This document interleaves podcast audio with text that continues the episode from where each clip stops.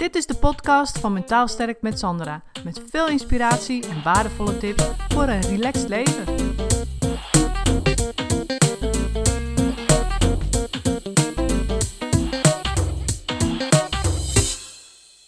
Oké, vandaag wil ik je vertellen over waarom het moeilijk is om te ontspannen. En misschien herken je dat wel, dat je ja, het moeilijk vindt om te ontspannen. Dat als je op de bank probeert te zitten, tot rust probeert te komen, dat je dan getriggerd wordt door allerlei dingen om je heen. Dat je denkt, oh ja, ik moet nog even stofzuigen, ik moet nog even dat. En dan komt er een e-mailtje binnen, oh ja, die nog even bellen, dat nog even regelen. Dan denk je, weet je wat, dat doe ik eerst even. Dan kan ik daarna rustig zitten, dan kan ik me ontspannen. Maar weer lukt dat niet, omdat er weer iets voorbij komt. Of je denkt aan weer iets en je denkt, oh, dat ga ik nu even doen, want dat, dat ligt al zo lang. Dat ga ik nou echt even doen. Nou, en zo kun je natuurlijk bezig blijven. Dus hoe komt het nou dat het zo moeilijk is om te ontspannen? Nou, dat ga ik je vandaag uitleggen. En ik hoop dat ik je daarmee een, eigenlijk een heel belangrijk inzicht kan meegeven. Wat je kan helpen om het voortaan anders te doen. Uh, het feit dat we eigenlijk altijd uh, dingen doen die ons. We doen eigenlijk altijd dingen die ons op de korte termijn, waardoor we ons op de korte termijn goed voelen. Dus we hebben allerlei regels voor onszelf bedacht uh, waaraan we ons moeten houden. En als we ons aan die regels hebben gehouden, dan voelen we ons goed. Het geeft een goed gevoel.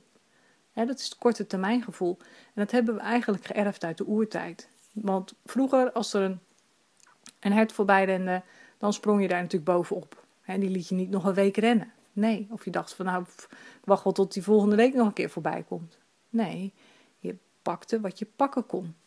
En zo zitten we nog steeds in elkaar. We willen een goed gevoel en dat willen we nu. Dus als ik tegen mensen, tegen duizend mensen zeg van nou, of tegen zestig mensen zeg van nou, je hebt je nu handje contantje duizend euro. Of ik geef jou over vijf jaar 5000 euro. Wat, wat wil je? Dan zullen de meeste mensen toch echt wel kiezen voor die 1000 euro nu, handje contantje in hun hand. Want ja, over vijf jaar weet je het tenslotte maar nooit dus we zijn heel erg ingericht, onze hersenen zijn heel erg ingericht om te kiezen voor de dingen die ons op de korte termijn een goed gevoel geven. Namelijk dat even afmaken, dat even schoonmaken, dat even regelen. zo, weet je. Maar dus, de wat zijn nou de lange termijn gevolgen? Als je altijd vindt dat je voor iedereen klaar moet staan, als je altijd een opgeruimd huis moet hebben, als bijvoorbeeld het bezoek komt of als het bezoek weg is of uh, als je altijd vindt dat jij degene bent die alles op moet lossen als het in het honderd loopt op het werk. Of als jij vindt dat je het goed moet doen op het moment dat er zieken zijn op het werk. En dat jij dan vindt dat jij de boel daar moet regelen en moet zorgen dat alles doorloopt. Wat zijn de gevolgen dan op de lange termijn? Nou, misschien heb je die al ervaren. De gevolgen op de lange termijn kunnen natuurlijk zijn dat je psychische en lichamelijke klachten krijgt. En dat je misschien wel helemaal vermoeid raakt en gewoon niet meer verder kan.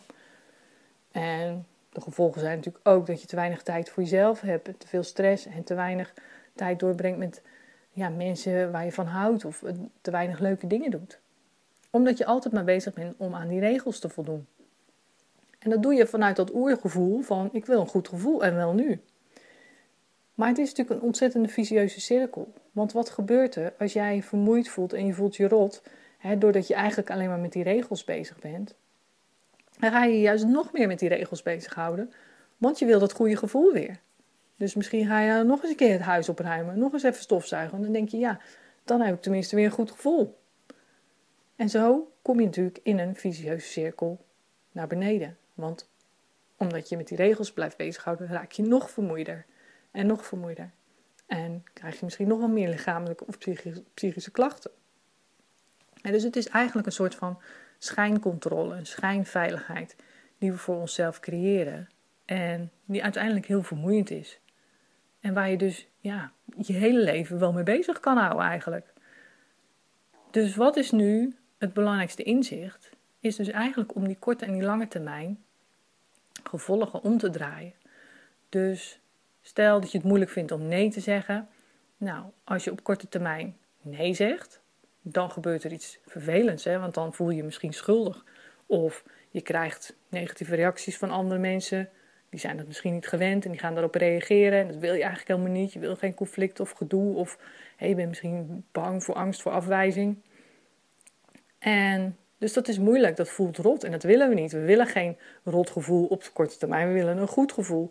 Dus daarom zeggen we ook makkelijk ja, want dat geeft juist dat goede gevoel op de korte termijn. Dan voelen we ons lekker en we hebben geen negatieve reacties, geen schuldgevoel. Nou, allemaal fantastisch. Maar als je dan naar de, de lange termijn gevolgen van ja zeggen kijkt, dan weet je ook als je altijd maar ja zegt, dan raak je natuurlijk op een gegeven moment zelf helemaal op. En als je nee zegt, dan is het korte termijn gevoel is gewoon vervelend, is moeilijk. Maar op de lange termijn kun je je natuurlijk voorstellen dat als jij vaker nee kunt zeggen, dat je dan ook een stuk beter over jezelf voelt. Dat je minder vermoeid raakt en dat je dan meer tijd overhoudt voor, voor jezelf of dingen die je belangrijk vindt. En daardoor voel je je ook beter, want daar doe je veel meer energie mee op. Dus het is heel belangrijk om voorbij dat korte termijn gevoel van je nu goed willen voelen kijken. En dat is echt een kunst op zich. Want dat zijn we dus vanuit die oertijd en vanuit hoe we geprogrammeerd zijn, dat zijn we niet gewend. Dus om even terug te komen naar het begin, mijn verhaal, van waarom is het nu zo moeilijk om te ontspannen? Omdat we ons dus te veel met allerlei regels bezighouden die ons een gevoel van veiligheid en controle geven. En wat staat daar tegenover? Wat eigenlijk de echte ontspanning geeft, dat is ons bezighouden met onze waarden. Dus dat zijn dingen die we echt belangrijk vinden. En dus niet die regels, denken we dat we die heel belangrijk vinden, maar uiteindelijk werken die regels dus tegen ons. Maar wat we echt belangrijk vinden, daar gaan we vaak aan voorbij. En ook omdat we niet altijd in de gaten hebben wat we echt belangrijk vinden. Dus het is heel belangrijk om dat voor jezelf ook helder te hebben van wat is nou voor mij een waardevol leven? Wat is nu echt belangrijk? En voor heel veel mensen is dat ja, bijvoorbeeld iets voor een ander betekenen of ehm, voor een ander klaarstaan, hè, voor elkaar zijn in vriendschappen, eerlijkheid, openheid, vertrouwen. Ehm, ja, iets creatiefs doen, hè, verbondenheid met de natuur uh, wandelen, dat soort dingen. En dat is eigenlijk hetgene waar je echt energie van krijgt en waar je echt van goed gaat voelen. Maar we komen daar vaak niet omdat die regels ons blokkeren. En die blokkeren ons omdat we dat korte termijn gevoel willen, van goed voelen. En daarom ervaar je ook zoveel onrust. Want je, die, die regels zitten in de weg, zeg maar. En op het moment dat het je lukt om iets moeilijks te doen, hè, iets wat ons op korte termijn dus geen goed gevoel geeft, namelijk die onrust er bijvoorbeeld te laten zijn, hè, die onrust te verdragen, dat is natuurlijk heel moeilijk. Dan lukt het je wel om tot die ontspanning te komen.